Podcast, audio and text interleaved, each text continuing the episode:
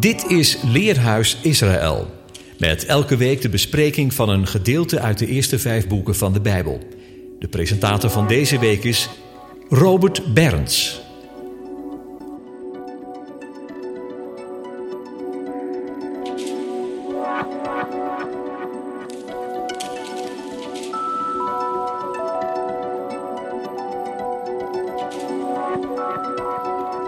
Trouwe luisteraar. Shalom op deze Shabbat bij Leerhuis Radio Israël. We bespreken Parsha Devarim uit Deuteronomium 1 vers 1 tot 3 vers 22 en de Haftara-lezing is Jesaja 1 en uit de boeken van het Nieuwe Verbond in de Messias 1 Petrus 1 vers 3 tot 7. Het boek Deuteronomium vangt aan met de woorden Ele ha Devarim, dit zijn de woorden.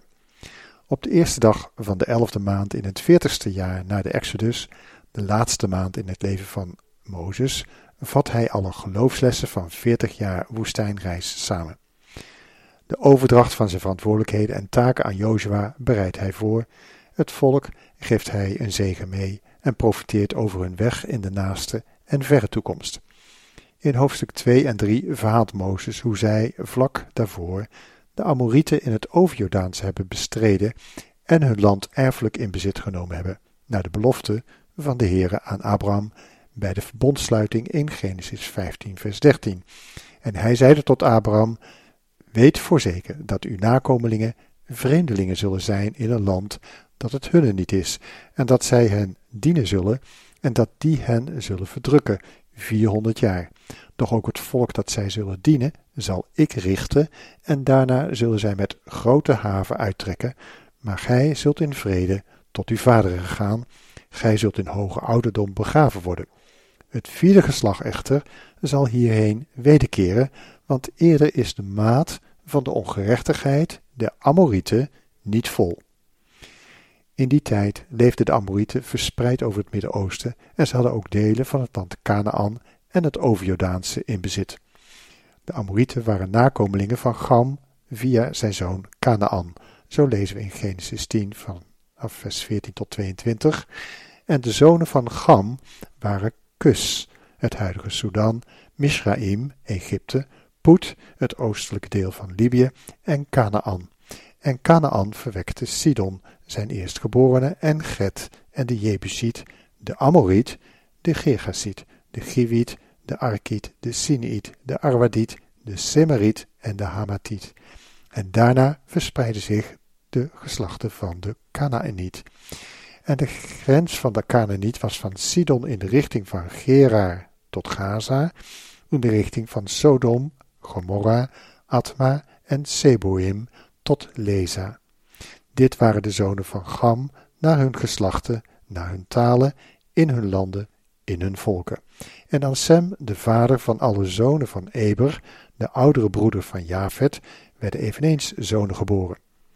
De zonen van Sem waren Elam, deel van het huidige Iran, Assur, Irak, Arpaksat, Lut, het westelijke deel van Libië, en Aram, Syrië. Met deze achtergrondinformatie kunnen we iets meer begrijpen van de strijd in het Midden-Oosten, waarvan we ook lezen in Ezekiel 38 en 39. Het heeft historische wortels met eeuwenoude familievetes, waarin uiteindelijk de Heere als rechter tussen beiden zal moeten komen. Alle volken zal hij richten en de grenzen van de erfelijke bezittingen opnieuw toedelen.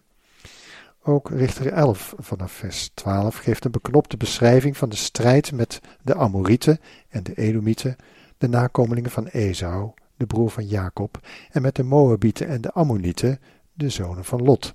In Richter 11 vers 21, de Heere, de God van Israël, echter gaf Sichon en al zijn krijgsvolk over in de macht van Israël en zij versloegen hen, waarop het Israël het gehele land der Amorieten, die dat bewoonden, in bezit nam. Zo kregen zij het gehele gebied der Amorieten in bezit, van de Arnon tot de Jabok en van de woestijn tot de Jordaan. Nu dan, de Heere, de God van Israël, heeft de Amorieten voor zijn volk Israël uit hun bezitting weggedreven, en zoudt gij dan erfgenaam zijn van het land der Amorieten? Zoudt gij niet erven en in bezit nemen wat uw God Kemels u in bezit gaf, zo erven wij of nemen wij datgene in bezit al wat de Heer onze God voor ons onteigent. Nu dan, zijt gij zoveel beter dan Balak, de zoon van Sippor, de koning van Moab? Heeft hij getwist met Israël of er oorlog tegen gevoerd? En waarom hebt gij, terwijl Israël in Gesbon met onderhorige plaatsen, in Aroer met onderhorige plaatsen en in alle steden aan de oevers van de Arnon gedurende driehonderd jaar gevestigd was, die in die tijd niet bevrijd? Ik heb dus niets misdreven tegen u, zegt Jefta dan, maar gij handelt onrechtvaardig jegens mij door mij te beoordelen, te beoorlogen. De Heere, die rechter is, richt de heden tussen de Israëlieten en de Ammonieten. Dit gedeelte geeft aan dat Mozes in de voorafgaande maanden begonnen was om het land van de Amorieten, ook in het Overjordaanse, erfelijk in bezit te nemen, zoals de Heere met een eed beloofd had aan Abraham. En Jefta verhaalt dat weer. Maar de inname van het beloofde land ging uiteraard niet zonder slag of stoot. In het volgende deel staan we daarom stil bij de strijd tegen de reuzen die er daadwerkelijk toen nog waren. In het tweede deel zal blijken dat de Israëlieten onder de leiding van Mozes en ook van Jozua, ondanks de reuzen, het land erfelijk in bezit namen. De Heere ging hen voor in die strijd en zond onder andere hoornaars, Deuteronomium 7 vers 20. In het derde deel willen we uit het voorbeeld van de strijd om het beloofde land lessen trekken hoe de Messias als erfgenaam van alle dingen, dat wij, zijn heilig volk, een erfdeel der heiligen in bezit zullen nemen. Luisteren we naar Psalm 125, vers 1. Want wie op de Heer vertrouwen, zijn als de berg Sion, die niet wankelt, maar voor altoos blijft. Rondom Jeruzalem zijn bergen, zo is de Heer rondom zijn volk van nu aan tot in eeuwigheid. Want de scepter der goddeloosheid zal niet blijven rusten op het erfdeel der rechtvaardigen, opdat de rechtvaardigen hun handen niet uitstrekken naar onrecht. Doe goed, heren, aan de goede en aan de oprechte van hart, maar hen die zich tot konkelpaden neigen, zal de Heere met de bedrijvers van ongerechtigheid doen vergaden. Vrede zij over Israël.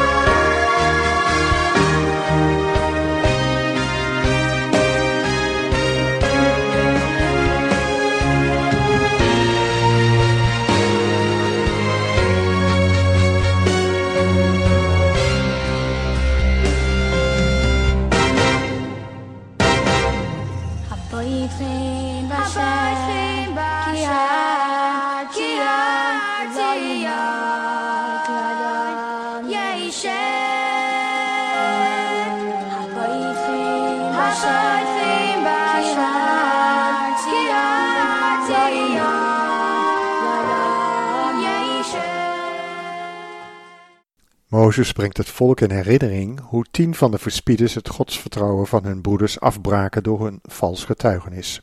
nummer 13, vers 32. Ook verspreidden zij onder de Israëlieten een kwaad gerucht omtrent het land dat zij verspied hadden, door te zeggen: Het land dat wij zijn doorgetrokken om het te verspieden, is een land dat zijn inwoners verslindt. En alle mensen die wij daar zagen, waren mannen van grote lengte. Ook zagen wij daar de reuzen, Enakieten, die tot de reuzen behoren. En wij waren als sprinkhanen in onze eigen ogen en ook in hun ogen. Dat de Enakieten te overwinnen waren, dat klopte. Maar het overige berustte niet op feiten, maar op angstbeelden. Van de Enakieten lezen we later dat Jozua hen verslaat. Jozua 11, vers 21 tot 23 immers. De Heere had het zo beschikt dat zij met een verstokt hart de strijd met Israël aanbonden, opdat men hen zonder genade met de ban slaan en hen verdelgen zou, zoals de Heere Mozes geboden had. Te dien tijde kwam Jozua en roeide de Enakieten uit van het gebergte uit Hebron, Debir en Anaf, van het gehele gebergte van Juda en van het gehele gebergte van Israël. Hen en hun steden heeft Jozua met de ban geslagen. Er bleven geen Enekieten over in het land der Israëlieten, alleen te Gaza, te Gat en te Astot zijn er overgebleven. Toen nu Jozua het gehele land veroverd had overeenkomstig alles wat de Heere tot Mozes gesproken had, gaf Jozua het aan Israël ten erfdeel volgens een indeling in stammen, en het land rustte van de strijd. En in Jozua 14 vers 14 lezen we dan over Hebron is het erfdeel van Caleb, de zoon van Jefune, de Keneziet die tot op de huidige dag, tot op de huidige dag, omdat hij volkomen trouw gebleven is aan de Heere, de God van Israël. De naam van Hebron was eertijds Kiriat Arba, en deze Arba was onder de Enakieten de grootste man, en het land rustte van de strijd. Jozua volgde in de strijd tegen de reuzen en Canaan het voorbeeld van Mozes. Van Moab, Ammon en Edom tegen de reuzen in het gebied van het Overjordaanse. In Deuteronomium 2 vers 10 tot 12 lezen we de Heere had hen beloofd de reuzen voor zijn volk uit te verdrijven en te verdelgen, zoals ook de Edomieten, de Moabieten en de Ammonieten een erfdeel hadden toebedeeld gekregen en de reuzen uit hun land hadden verdreven. Daarna wenden wij ons en gingen in de richting van de woestijn van Moab. Toen zeide de Heere tot mij, benauw Moab niet en daag het niet uit ten strijde, want ik zal u van zijn land niets in bezit geven, omdat ik Ar aan de zonen van Lot tot een bezitting gegeven heb. De Emieten hadden eertijds daarin gewoond, een groot en talrijk volk, lang als de Enakieten. Ook deze werden voor Refaïten gehouden, evenals de Enakieten. Maar de Moabieten noemen hen Emieten. En in Seir hadden eertijds de Gorieten gewoond, maar de zonen van Esau hadden hen uit hun gebied verdreven, hen verdelgd en zich in hun plaats gevestigd, evenals Israël gedaan heeft met het land dat de Heere hun in bezit gegeven heeft. En verder in Deuteronomium 2, vers 16 tot 25. Toen dan van het volk, dat de eerste keer weigerde de strijd in te gaan, alle krijgslieden gestorven waren tot de laatste man, sprak de Heere tot mij. Heden trekt gij langs het gebied van Moab, te weten Ar, en dan komt gij in de nabijheid van de Ammonieten. Benauw hen niet en daag hen niet uit, want ik zal u van het land der Ammonieten niets in bezit geven, omdat ik het aan de zonen van Lot tot bezitting gegeven heb. Ook dit wordt voor het land van de Refaïten gehouden. Refaïten hadden eertijds daarin gewoond, maar de Ammonieten noemden hen Zamzumieten. Even een groot en talrijk volk, lang als de Enakieten, maar de Heere had hen verdreven en verdelgd, zodat gene hun gebied in bezit genomen en zich in hun plaats gevestigd hadden, evenals hij voor de zonen van Esau gedaan had, die in Seir wonen, voor wie hij de Gorieten verdreven en verdelgd had, zodat gene hun gebied in bezit genomen hadden en daar in hun plaats wonen tot op de huidige dag. De Kaftorieten, die uit Kaftor gekomen waren, Kreta, hadden de Awieten, die tot Gaza in dorpen woonden, verdelgd en zich in hun plaats gevestigd. Maakt u gereed, breek op en trekt de beek Arnon over. Zie, ik geef Sichon, de koning van Gesbon, de Amoriet, en zijn land in uw macht. Begin met het in bezit te nemen en daag hem uit ten strijde. Op deze dag begin ik schrik en vrees voor u te leggen op de volken onder de ganse hemel, zodat zij voor u sidderen en beven wanneer zij van u horen gewagen. Bij bestudering van de volken blijkt dat al deze reuzen voortkwamen uit nakomelingen van Canaan, die door Noach om de occulte zonde van zijn zoon Gam vervloekt werd. Maar al waren deze volken sterk vanwege hun ongerechtigheden, heeft de Heer zelf tegen hen gestreden. Psalm 142, vers 6 tot 8 wordt gezongen. Tot u roep ik, Heere, ik zeg, gij zijt mijn schuilplaats, mijn deel in het land der levenden. Sla acht op mijn smeken, want ik ben zeer verzwak. Red mij van mijn vervolgers, want zij zijn sterker dan ik. Voer mij uit de kerker, opdat ik uw naam loven. De rechtvaardigen zullen mij omringen, wanneer gij mij wel doet.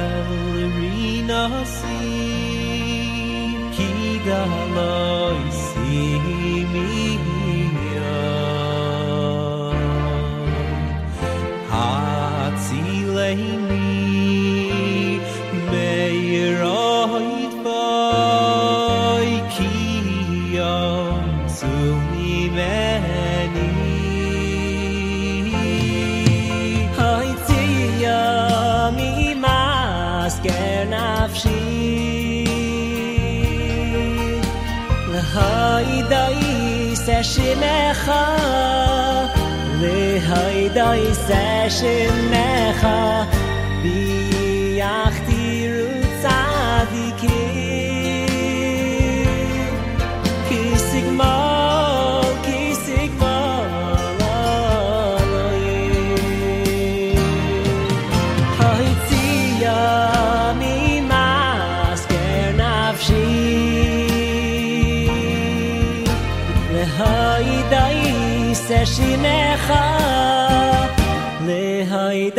انساش النخاع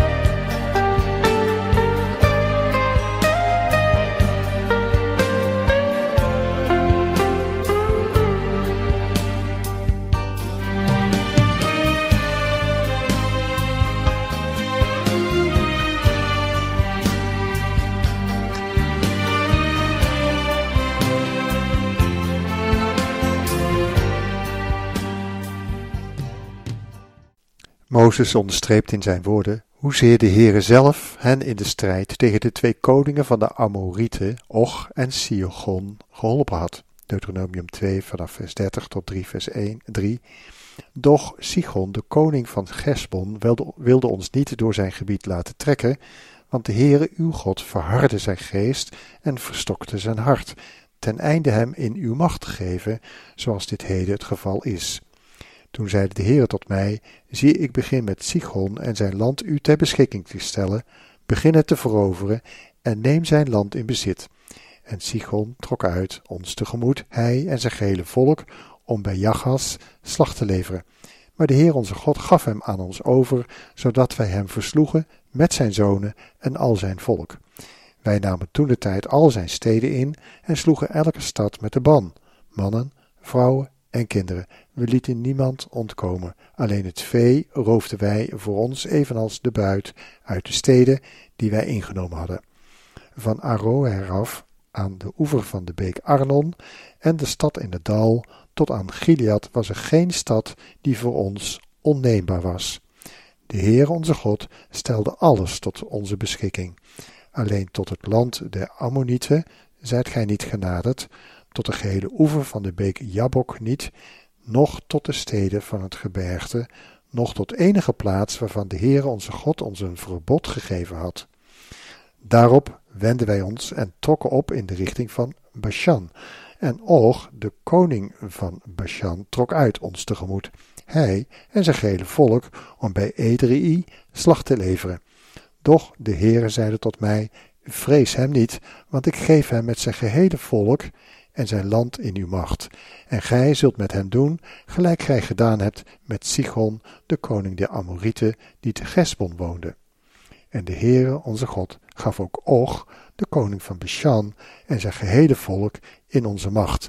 En wij versloegen hem zo volkomen, dat we van hem niemand ontkomen lieten. En in vers 11 lezen we dan: Alleen Og, de koning van Bashan, was overgebleven als laatste der Refaïten. Zie, zijn rustbank was een rustbank van ijzer. Hij staat immers in Raba der Ammonieten. Negen el is zij lang en vier el breed naar de gewone el. Dit land nu namen wij te dien tijd in bezit van Aroer af, dat aan de beek Arnon ligt, met de helft van het gebergte van Gilead, en zijn steden gaf ik het aan de Rubenieten en aan de Gadieten, en de rest van Gilead met geheel Bashan, het koninkrijk van Och, gaf ik aan de halve stam Manasse, de gehele landstreek van Argob. Dit gehele Bashan wordt het land der Refaïten genoemd. Dit detail van de afmeting van het bed is opmerkelijker dan de afmeting zelf. Dat is 2,70 meter bij 1,20 meter en zo reusachtig is dat niet. Maar uit de archeologie en de geschiedenis weten we dat deze afmetingen overeenkwamen met het bed van de drekgoden Marduk en Sarpanit op de top van de grote zikkurat in Babylon. Mozes verwijst met deze details naar de jaarlijks terugkerende perverse vruchtbaarheidscultus, waarvan de Israëlieten ongetwijfeld gehoord hadden ten tijde van de Amorieten, toen de Amorieten in Babel heersten. Daarom stelt Mozes even later in Deuteronomium 9, vers 1 tot 6: Hoor Israël, gij zult heden over de Jordaan trekken om het gebied in bezit te gaan nemen van volken die groter en machtiger zijn dan gij, grote steden, hemelhoog versterkt, een groot en reizig volk, Enakieten, die gij wel kent, en waarvan gij hebt horen zeggen, wie kan voor de Enakieten stand houden? Weet dan heden dat de Heere uw God zelf voor u uitgaat als een verterend vuur. Hij zal hen verdelgen en voor uw ogen onderwerpen. Zo zult gij in korte tijd hun gebied in bezit nemen en hen vernietigen, zoals de Heere tot u gesproken heeft. Zeg niet bij uzelf, wanneer de Heere uw God hen voor u uit weg, uitgejaagd heeft. Wegens mijn gerechtigheid heeft de Heere mij dit land in bezit doen nemen, want wegens hun goddeloosheid drijft de Heere deze volken voor u weg. Niet wegens uw gerechtigheid, noch wegens de oprechtheid van uw hart gaat gij hun land in bezit nemen, maar wegens hun goddeloosheid drijft de Heere uw God deze volken voor u weg, en om het woord gestand te doen dat de Heere uw vaderen Abraham, Isaac en Jacob gezworen heeft. Weet dus dat de Heere uw God u dit goede land niet in bezit geeft wegens uw gerechtigheid. Gij zijt immers een hardnekkig volk. Deze ene kiete wordt we vervolgens onverschrokken door Caleb en zijn neef Otniel verslagen, zoals Jozua 15 vers 13 tot 19 vermeldt. Aan Caleb echter, de zoon van Jefunne, gaf hij een deel in het midden der Judeërs, namelijk Kiriat Arba, overeenkomstig het bevel des Heren aan Jozua. Arba was de vader van Enak. Dit is Hebron. En Caleb verdreef vandaar, de drie Enakieten, Sesai, Achiman en Talmai, zonen van Enak. Vandaar trok hij op tegen de inwoners van Debir, en de naam van Debir was tevoren Kiriat Sefer. Toen zeide Caleb, Wie Kiriat Sefer slaat en het inneemt, die geef ik mijn dochter Aksa tot vrouw. Otniel nu, de zoon van Kenas, de broer van Caleb, nam het in, en hij gaf hem zijn dochter Aksa tot vrouw. Bij haar aankomst haalde zij hem over om van haar vader bouwland te vragen. Daarop sprong zij van de ezel af, en Caleb zeide tot haar: Wat hebt gij? Zij zeide: Geef mij toch een huwelijksgift. Nu gij mij een dor land gegeven hebt, geef mij ook waterbronnen. Toen gaf hij haar de hoog en de laag gelegen bronnen. Laten we luisteren naar Psalm 87, vers 2. De Heere heeft Sions poorten lief, boven alle woningen van Jacob. Heerlijke dingen zijn van u te zeggen, o gij stad Gods.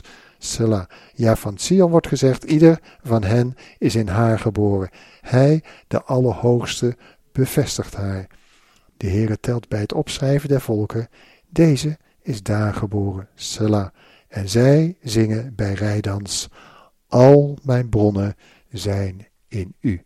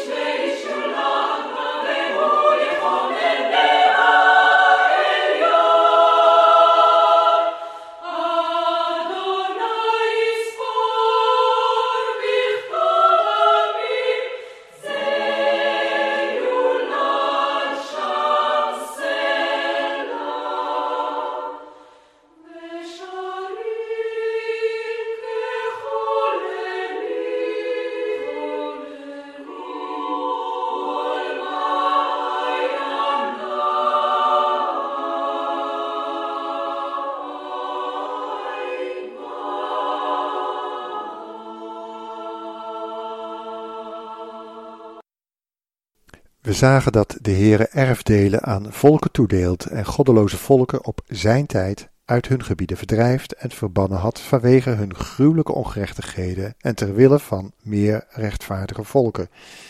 Maar welke lessen kunnen wij daar vandaag de dag uit trekken? Hebben wij ook een erfdeel? En hoe krijgen we dat dan in bezit? Komen wij soms ook reuzen tegen?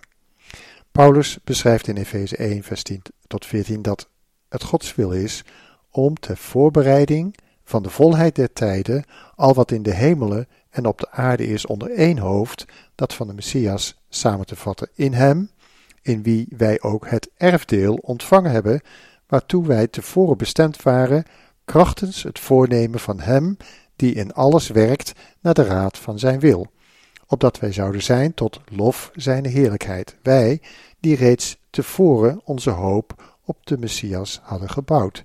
In hem zijt ook gij, nadat gij het woord der waarheid, het evangelie uw behoudenis hebt gehoord, in hem zijt gij, toen gij gelovig werd, ook verzegeld met de heilige geest der belofte, die een onderpand is van onze erfenis, tot verlossing van het volk dat hij zich verworven heeft, tot lof zijne heerlijkheid. De Messias heeft de geroepenen bestemd om een erfdeel te ontvangen en gaf ons als een onderpand en verzegeling de Heilige Geest. Hij bewerkt ons behoud en onderlinge eenheid, zodat we Jood en niet-Jood tezamen zijn erfdeel vormen, waarin hij zich kan en zal verheerlijken, maar zonder de heiliging, door het werk van zijn geest in de wedergeboren mens, kunnen wij hem niet verheerlijken. In Romeinen 9, vers 22 lezen we duidelijk tot wie Paulus zich daarbij richt. En als God nu zijn toren wil tonen en zijn kracht wilde bekendmaken in de voorwerpen des torens, die ten verderven toebereid waren, met veel langmoedigheid verdragen heeft, juist om de rijkdom van zijn heerlijkheid bekend te maken over de voorwerpen van ontferming, die hij tot heerlijkheid heeft voorbereid. En dat zijn wij, die hij geroepen heeft, niet alleen uit de Joden, maar ook uit de volken. Gelijk hij ook bij Hosea zegt: Ik zal niet mijn volk noemen, mijn volk, en de niet-geliefde, geliefde. En het zal geschieden ter plaatse waar tot hen gezegd was: Gij zijt mijn volk niet, daar zullen zij genoemd worden zonen van de levende God. En Jezaja roept over Israël uit: Al was het getal der kinderen Israëls als het zand der zee, het overschot zal behouden worden. Want wat hij gesproken heeft, zal de Heere doen op de aarde, volledig en snel. En gelijk Jezaja tevoren gezegd had, indien de Heere Zevaot ons geen zaad overgelaten had, als Sodom zouden wij geworden zijn en aan Gomorra zouden wij gelijk gemaakt zijn.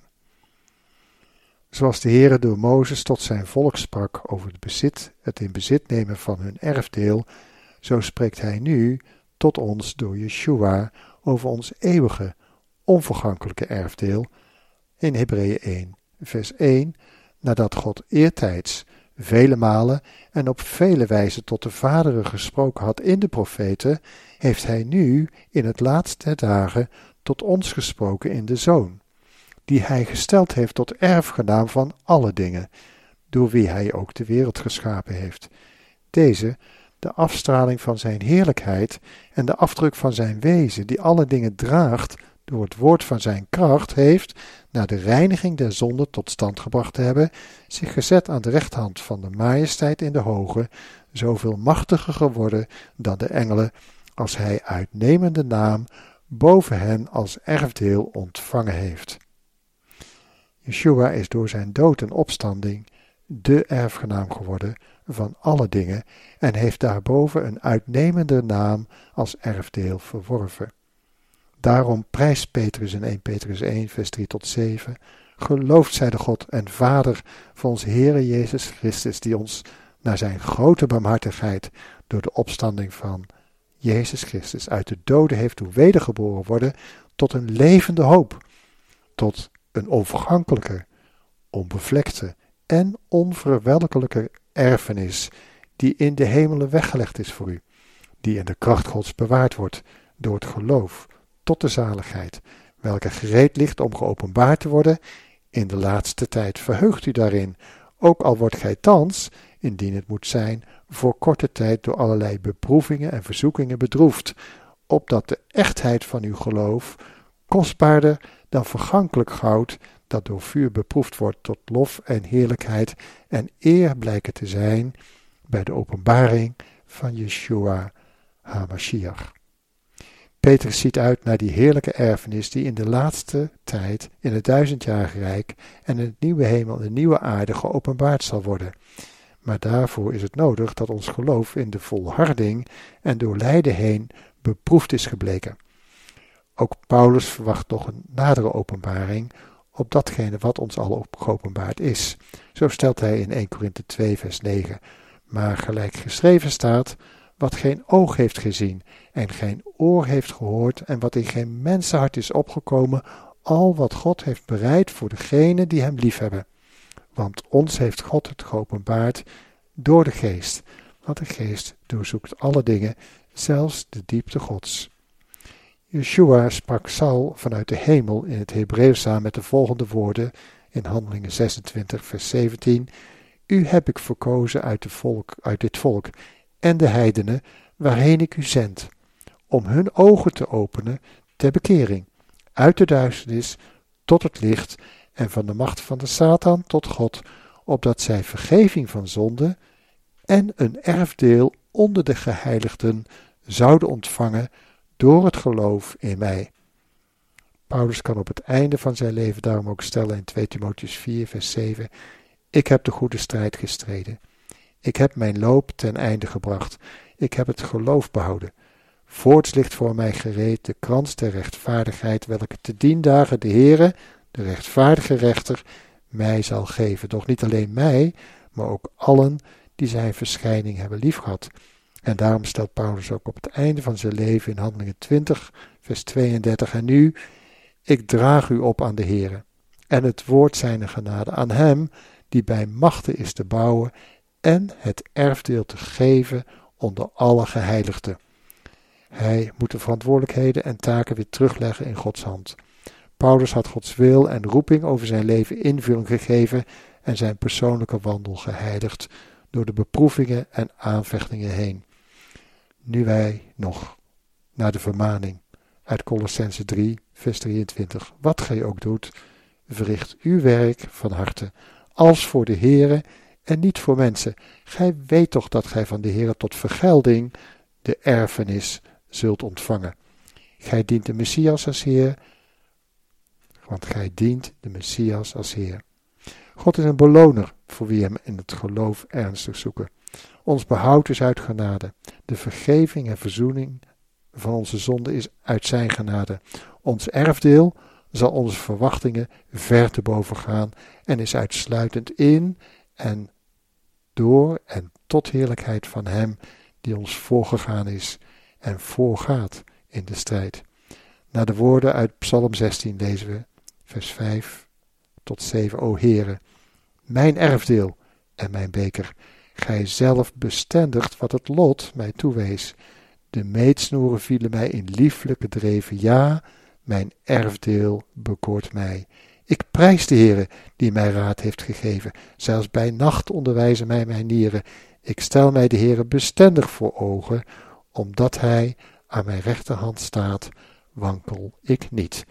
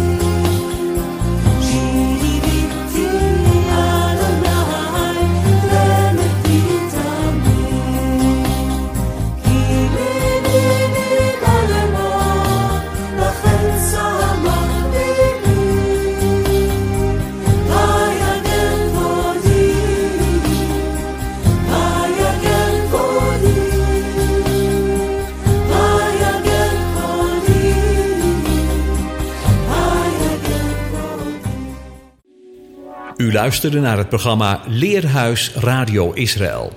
Een wekelijkse studie aan de hand van de Bijbelgedeelten die wekelijks door de Joodse gemeenschap worden gelezen. Heeft u een vraag of opmerking? Stuur dan een e-mail naar info-apenstaatje radioisrael.nl. Het leesrooster vindt u op onze website. Ga naar radioisrael.nl en klik onder het kopje radio op programma's.